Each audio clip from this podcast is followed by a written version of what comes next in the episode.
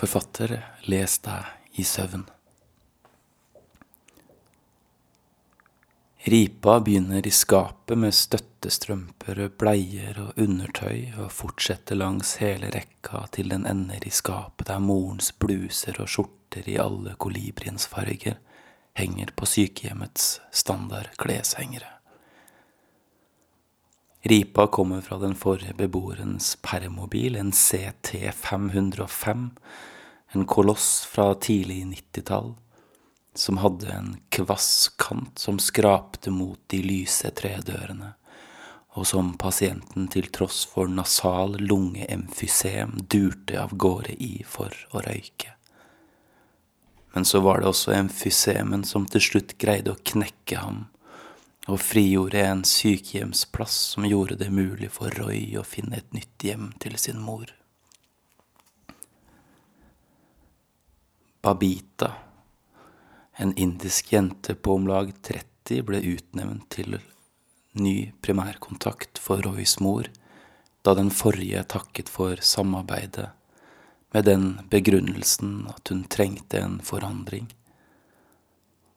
Roy hadde sett den gamle primærkontakten stå og snitte rosestilker i rådhusets blomsterbutikk, med en helt annen vitalitet enn den han kunne huske at hun hadde hatt i omgangen med morens kropp. Babita er heldigvis enda mer elegant i måten hun dekker lakuner i samtalene på. Hun kan prate om alt fra nordmenns kjøttvaner til titaniumsimplantater, og underholde sine tilhørere med raske vokalregler som hun har lært på grammatikkurset på Folkeuniversitetet.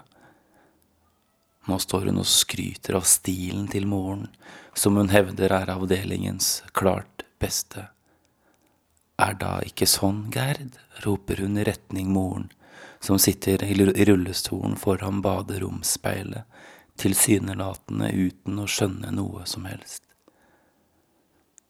Babita tar seg også tid til å presentere de nye systemene som er kommet til etter de siste evalueringsprosessene hun går grundig gjennom rutiner for nattevakt, dusjprosedyrer, medisinering og tvangsskjemaer, som om hun forsøker å selge ham noe. Roy må klype seg hardt på innsiden av låret, vil vite minst mulig om hva som angår morens mest private anliggender. Han stoler fullt og helt på det som blir gjort, at det er det riktige for moren. Fint, sier han etter at hun er ferdig med gjennomgangen. Helt fint. Men han har motvillig fått med seg fargekoden på morens nattbleier.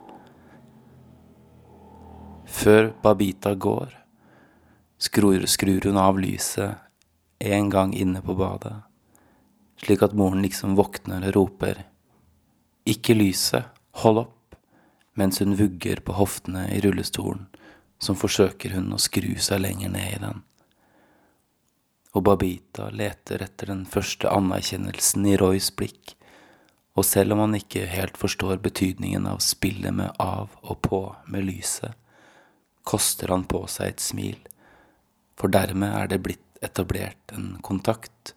Samarbeidet skal tross alt holde livet ut. Babita forlater dem Kommer du ikke snart, da, hører han moren rope. Hvor er du? Det er helt tydelig rettet mot Babita og ikke ham. Han kaster et blikk inn i værelset hennes, som ikke er så ulikt stua han vokste opp i. Det er et lite, relativt hyggelig værelse, veggteppe på veggen, G-nøkler i glass hengende etter grønne bånd i vinduet. Ei hylle med historiebøker, et syskrin i teak med morens nøster og morens knappesamlinger, noen album og ei flaske Baileys tronende som en pokal på hylle fire. Det mest iøynefallende er allikevel TV-en som han kjøpte på impuls da hun ble flyttet hit. Selv om han aldri hadde sett henne skru på en TV på eget initiativ før hadde han tenkt at det ville være en fin ting for henne å ha muligheten til, gleden av over å kunne slappe av foran for eksempel et naturprogram. Jeg må på do. Han skal akkurat til å stikke hodet ut i gangen og vifte inn Babita, men ombestemmer seg. Dette kan han få til. Han stikker hodet inn på badet og spør. Hei, mor. Er det greit at jeg hjelper deg i dag? Å, er det den gutten? Er det greit at jeg hjelper? Ja, kom inn. Han merker en annen tone i stemmen hennes, påtatt og litt bedende på en gang. Men hun er allikevel hes, som om hun må bruke mye tid på å rope til seg mennesker. Roy lukker døra etter seg. Så der er gutten min. Toalettmappa står åpen på ei plasthylle tannbørsten stående i det som ser ut som et desilitermål av metall, vaselin og et grått pappkar. Hei, mor, sier han igjen. Han bøyer seg ned, og hun løfter armene og tar et godt tak i sønnen. Han puster inn, men det lukter bare støv inne i den knusktørre halsgropa. Er det ikke fryktelig, sier hun. Han kjenner at hun trykker ham til seg. Noen av Roys hårstrå har kilt seg fast i låsen på armbåndsuret hennes, så det lugger. Han ser på henne, plukker fram to plasthansker i en forpakning. Men når han strekker dem, trekker dem på seg, merker han at de er for små og sprekker opp rundt tomlene. Men i stedet for å lete etter nye i riktig størrelse, setter han bare i gang. Finner et mulig løftegrep på moren, det vil si ved hoftebeina, og vipper henne over på toalettet. Han greier å trekke av henne buksa ved å trykke den ned, ledd for ledd. Dog, hoftebeskytterne er et rent helvete. Frigjørende når klærne endelig slipper legger merke til at kjønnshårene hennes er lange, men at det ikke er noen lukt. Han går utenfor og venter mens moren gjør seg ferdig. Han fokuserer på saksdokumentet som har kommet på avveie, grubler på hvor han kunne ha lagt det. Han lukker øynene og går inn på kontoret sitt, ser først til venstre, huker seg ned og ser inn under arkivskuffen, men ingenting. Så reiser han seg, går bort til pulten, løfter på tingene som ligger der, til og med tastaturet, men finner ingenting bortsett fra noen Post-It-lapper og en tannpirker. Trekker ut skuffer, skyver dem inn igjen med uforrettet sak, stryker hånden oppe på skapet, men får bare støv på fingrene, blir irritert og skal til å kravle inn under pulten en gang til da han endelig hører moren rope ferdig, og han åpner øynene. Morens bryster ligner flate badeboller. Han skulle gjerne ha blåst dem opp for hennes skyld. Hun insisterer på å bruke, bruke brystholder selv om det ikke er så mye igjen av henne. Roy åpner sminkeskrinet, dypper penselen nedi og børster over morens ansikt. Hun lukker øynene, strammer leppene og gjør seg tilgjengelig. Han tar maskarakosten og greier å treffe øyevippene sånn noenlunde. Ei svart stripe i panna som han vasker bort ved å fukte fingeren med spytt. Sånn spør han etter hver gang han løfter penselen, men moren er konsentrert om å pirke av en grøtflekk på buksa og sier det er det samme gamle kjerringa. Sminken nupper seg i kinnene, han jevner den ut med et håndkle, det blir nesten som om hun så ut i utgangspunktet, men det får være greit. Han tar i stedet brillene hennes og vasker dem, men ser at det helt innerst har lagt seg fetterenner som han ikke får skrubbet vekk. Selv selv ikke med den lengste neglen. Han ser at det ved siden av dusjkabinettet står et par vikingstøvler. Livet er over det nå, mor, sier han. Hun har øynene lukket, men åpner dem nå. Og? Ja, det er over. Han damper brilleglassene med pusten sin og pusser videre med en flik av genseren. Det er det da ikke. Jo, sånn er livet, det. Du er slem, du, sier hun, Hvorfor sier du slik til ei gammel kjerring? Hun strammer kjevene. Han husker hvordan hun kunne klype ham hardt i magen når hun ble sur på ham. Det er den samme dama, den samme blikket. Men det finnes ikke noe makt i det lenger. Det er ikke noe vilje i det han kan bryte ned. Og så spør hun i stedet, med et underfundig smil om munnen, er det mulig å ytre ønske om et kaffedrops? Søv du nå? Ok. Hvis du ikke gjør det, så leser jeg litt videre. Noe er feil, for plutselig blir hun helt rar i ansiktet. Et bein, innser Roy, må ha satt seg fast nede i halsen til datteren. Han begynner derfor å banke løs på ryggen hennes med harde, konsise slag, men skjønner ikke hvor mye tyngde han bør legge i dem. Barnet velter framover, og fatet med kylling, peppersaus og karriris faller ned i tre trinn, først i fanget til Roy, så ned på leggen, før det knuses mot gulvet. Sausen er heldigvis ikke kokvarm, rakk ikke engang å forsyne seg med den helvetesalaten med havsalt og feta før noe måtte gå skeis. Fargen i ansiktet hennes har gått fra friskt rødt, liksom blankt, til hvitt, tenderende til blått. Roy slår og slår, hardt, mykt, hardt, hun har sprengte, oppsperrede øyne og griper etter ting, som om hun i raseri forsøker å ødelegge alt omkring seg før sin forsvinning. Blomstervasene går i gulvet sammen med de nyskållede mandlene som Rita skulle bruke til kransekakestenger, og mandarinene triller utover gulvet Roy registrerer at bevegelsene hennes gradvis tappes for kraft, blir mer rykkvise, spastiske, at adrenalinet pumpes rundt i kroppen hennes, men det kan også være innbilning. Og nå regner det for første gang etter første frostnatt. Har ikke det fenomenet også et navn? Brødristeren har lagt, svartlagt igjen svarte koksesmuler utover benken, og duken har fått et grenseløst irriterende eseløre som Roy kaster seg fram for å jevne ut. Han reiser seg.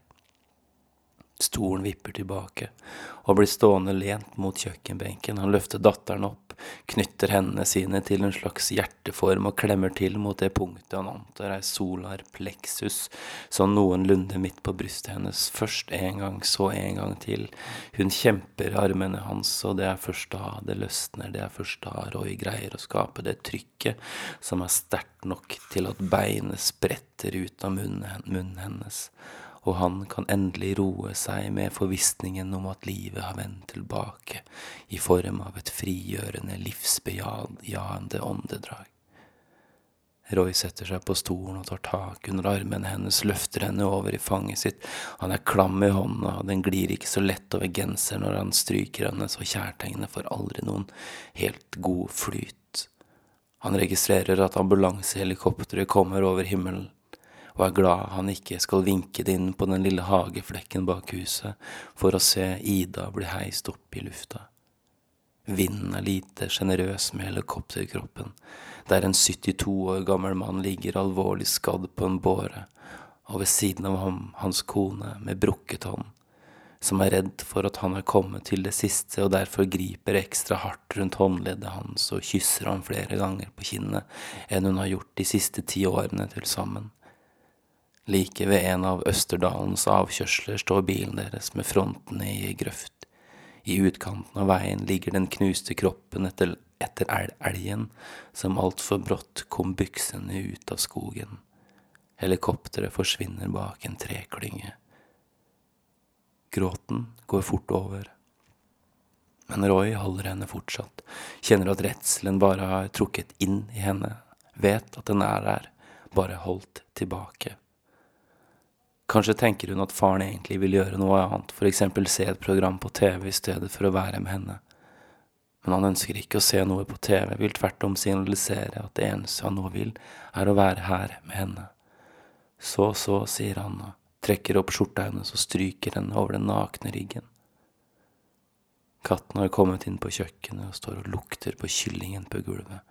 Stikker først tunga ut og slikker før den begynner å nappe i, i, i, i skinnet. Den drar med seg en bit av den ut i gangen og blir ikke stoppet, selv om rommet under trappa tidvis ligner ei steinalderhule med ulike bein som katten på finurlig vis har fått klørne i.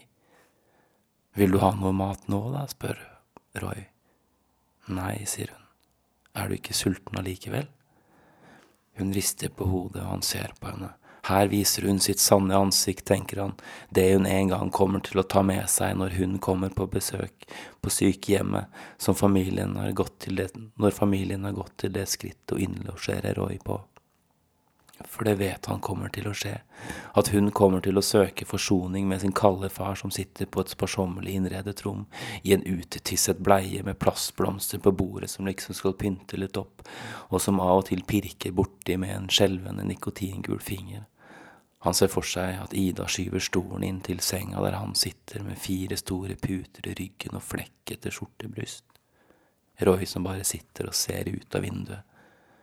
Han ser for seg øyeblikket der datteren lener seg over ham, stryker ham over håret, for hvem ville ha gjort dette om ikke akkurat hun? Roy hører stemmen hennes. Hvordan går det med deg i dag da, far?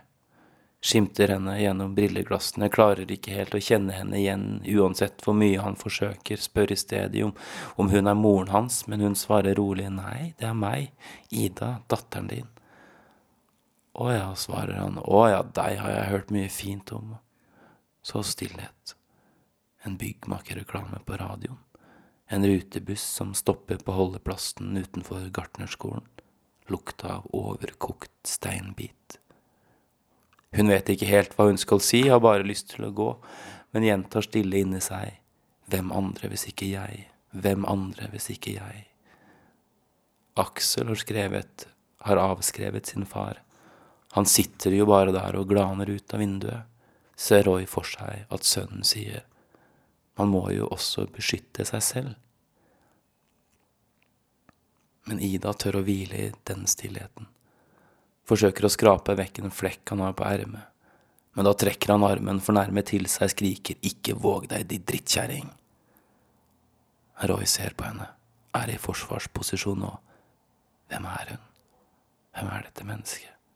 Fornærmer hun meg? Hun venter litt, lar faren selv glemme det han har sagt, for hun vil fortelle ham noe viktig.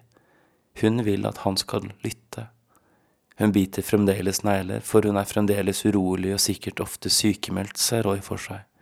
Ei pissflaske ligger på bordet så det skal være praktisk å få unna sitt fornødne hvis han mot formodning skulle huske å trekke i snora framfor å væte rett i bleia. Han drømmer om, som, han drømmer om somrene på gården til besteforeldrene, kyrne som sprøyter varmt kupiss i åkrene å stå i balje fylt med vann og skum og plaske og rope som bare et barn kan, under snora spent mellom to trær der klesvasken henger og danser i vind, vinduer fulle av hakkende veps. Så trekker datteren sikkert pusten en siste gang og forbereder seg til det, til å si det hun egentlig var kommet for, selve sannheten, og slik høres den ut. Du var aldri noen god far, du. Men Roy, den gamle sitter bare og gliser, plutselig opptatt av et punkt rett over hodet hennes på motsatt vegg, en slags lysflekk som glir over rommet, som om noen sto utenfor og reflekterte sollys med et knivblad. Det ser så morsomt ut, synes han, oho, noen skriver med lys. Hører du etter? Han ser på henne igjen. Ser ikke at hun er helt lik seg selv, ser ikke det lenger. Han retter ingen Han retter igjen konsentrasjonen mot flekken på veggen. Den har nådd lampeskjermen og glir over de tunge, bronsefargede rosene. Sola er god, den, sier han. Hva? Sola skinner. Hun nøler. Jeg syns ikke du var, noen, var snill nok mot mor, kan hun for eksempel komme til å si, mens solflekken begynner å reise over veggen. Hvorfor gjorde du ikke mer? Men solflekken glir først over stolen der, henger, der det henger et flisteppe, så over nattbordet der solbrillene ligger like ved i skål med sjokoladehjerter, og så videre og så videre. Han ser og ser på denne prikken mens datteren forsøker å møte blikket hans, vil utstå dette ødelagte i ansiktet, mens hun fremdeles har det. Har hun noen gang sett det så naken før? Kanskje legger hun merke til noe nytt, en linje fra øret til munnen, nye rynker formet etter det livet han har levd, de menneskene han har møtt, som om den sammenlagte summen av alle de ansiktsuttrykkene han har rettet mot verden gjennom sitt liv, ser kanskje noe mildt gli over det hatefulle ansiktet som plutselig får henne til å kjenne et fnugg av omsorg overfor sin gamle far, for eksempel arret i pannen etter at han falt ut av senga og ble liggende og rope i over en time, før nattvakten omsider hørte ham og fikk hjelpe ham opp i senga igjen. De ville kanskje ringe henne fra sykehjemmet den påfølgende morgenen, for sånt var vel lovpålagt å si noe sånt som din far falt ut av sengen sin i morges og måtte sy åtte sting, og hun ville sikkert svart noe sånt som takk for det, takk for at dere ga beskjed, lagt på, og fortsatt arbeidet med å hakke hjertesalaten i enda finere strimler. Helt til hun nå ser arret foran seg i levende livet, ser den lille riften i pannen hans og kjenner skyldfølelsen flomme opp i seg med fornyet styrke, men allikevel sier hun, dette er en avskjed, far nå kommer jeg aldri mer tilbake. Han ser på henne, før han igjen henvender seg til den lykkelige prikken som rolig glir over familiebildene, bokryggene over sykehjemmets landskapsidyller i skjeve rammer. I mellomtiden, eller i tomrommet, har Ida, den voksne Ida, reist seg og forlatt rommet og sykehjemmet. Roy merker ikke at hun la igjen at hun la kinnet sitt inntil hans, at hun smurte leppene hans med salve før hun tok jakka si og dro. Han er bortenfor livsfasen og beveger seg i fjern bane utenfor verden. Det eneste han gjør, er å følge en ensom prikks reise gjennom et rom, mens lysene faller utenfor og prikken langsomt forsvinner lik en fisk glipper av kroken og svømmer tilbake til dypet hvor den kom fra, og Roy, den gamle, kommer til å gråte og gråte for alt som forsvinner og aldri, aldri kommer tilbake men Ida er heldigvis fremdeles bare et lite barn som har fått et kyllingbein i halsen.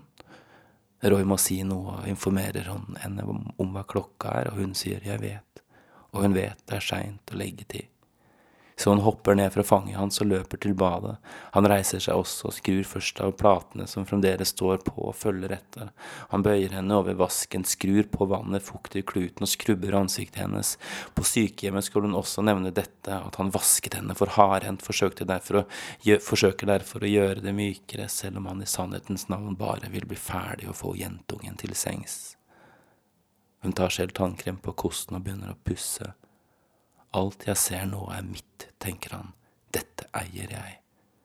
Rumpa hennes er formet som en løk, og igjen, på sykehjemmet skal hun også kommentere det, at når du sto på badet, var det akkurat som om du glodde på meg, jeg skjønte ikke hvorfor, og da du sa at rumpa mi lignet en løk, jeg glemte aldri det. Og det er nå han sier det, det er nå alt skjer, Ida, rumpa di ligner på en løk. Men hun bare pusser videre, ser på faren i speilet som om hun ikke hørte etter. Sånn ser rumpa det ut. Han lager en form i lufta. Når hun ser på faren, er det ikke fordi han ikke har truffet henne.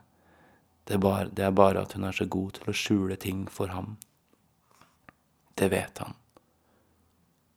Hun spytter en munnfull ned i vasken som om det allerede var glemt, pusser videre. Etter en liten stund avslutter hun ritualet med å kakke tannbørsten mot kanten, skylle kosten og drikke vannet som Roy løfter opp til munnen hennes. Så skal hun tisse. Roy stiller seg i gangen med hånda på dørklinken. Roy hører henne dra av seg trusa, at strikken klasker mot låret, at hun setter seg Katten graver i kattesand. Hun har satt seg ned, men det skjer ingenting, ikke noe tiss. Han venter og lytter, men fremdeles ingenting. Han hører henne presse, det tar litt tid før et lite, bitte lite plopp etterfølges av et enda mindre et, og så lyden av et papirflak som rives av, først ett, så ett til, før hun reiser seg og skyller ned. Han åpner det glipe og titter inn.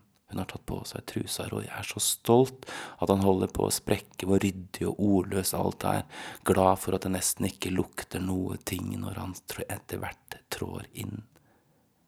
Hun løper etter faren, foran faren, inn på rommet sitt, han gir henne talgbitene hun bruker i ørene for å få sove, kysser henne på pannen og sier god natt. Roy lukker døra så vidt etter seg, hører at det knirker i senga før det blir stille, han blir stående og se på bildene som Rita har nålet opp på korktavla i gangen, et fotballkort, dugnadsinvitasjon, Noen gamle konfirmasjonstakkekort, bilde av ei ung jente i nordlandsbunad som Roy i det siste har sett røykende i baksetet på byens eneste lysegrønne Amazon, og han tenker at hun nok må spre beina for en slurk hjemmebrent blandet ut i sin appelsinhooch. Det andre konfirmasjonstøkkekortet har bilde av en gutt med stripete dress og silkeslips på hvit skjorte. Han har tynt hår og trillrunde briller og står med hånda mot et tre med en prestekragebukett på en grein like over hodet sitt. Takk for gaven i anledning min konfirmasjon, står det med gullskrift. Hilsen Stig. Så går det ytterdøra. Nye knirkelyder i senga.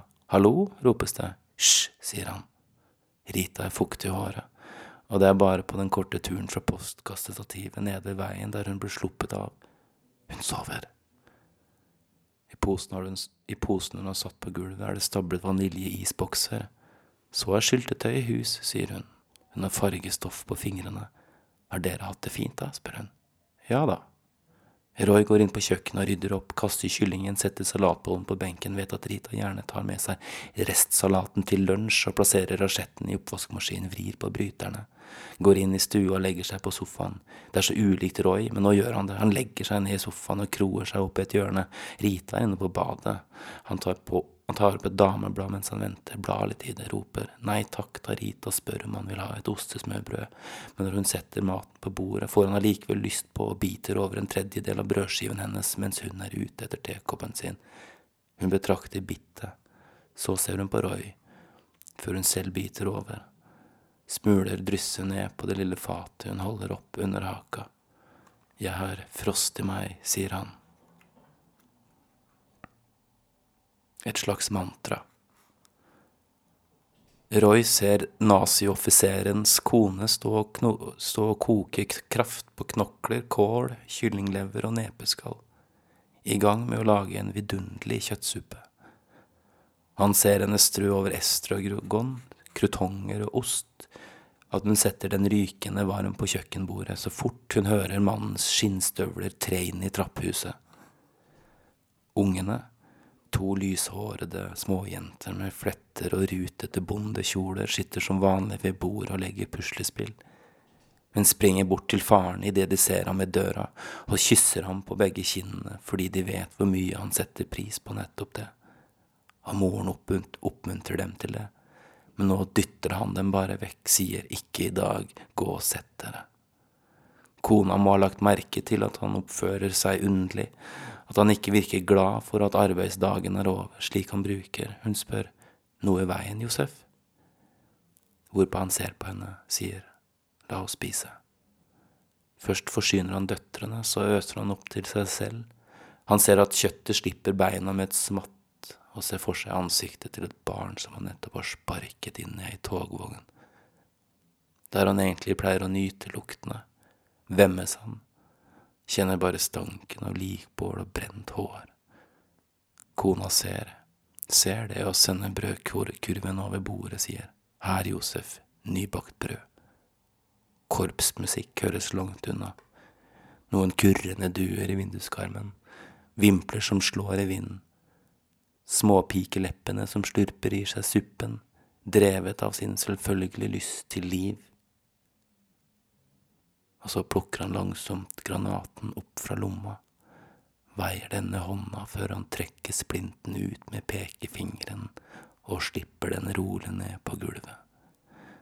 Den triller i to eller tre sekunder før den faller til ro. Han rekker å kaste korte blikk rundt bordet og vil, pl vil plutselig advare dem og si løp, men granaten eksploderer og ingen ord når fram til dem. Glass og suppetallerkener pulveriseres. Sølvtøy og lysestaker slynges gjennom rommet. Møblene knuses, viserne i vegguret lander på balkongen på den andre siden av gata, mens lemmene til de elskede små pikene flyr gjennom lufta, og også hans kone, som akkurat skjønte hva som holdt på å skje, men for seint til å rekke å verge sine barn, rives også i filler sildrende glass over solvarm brostein.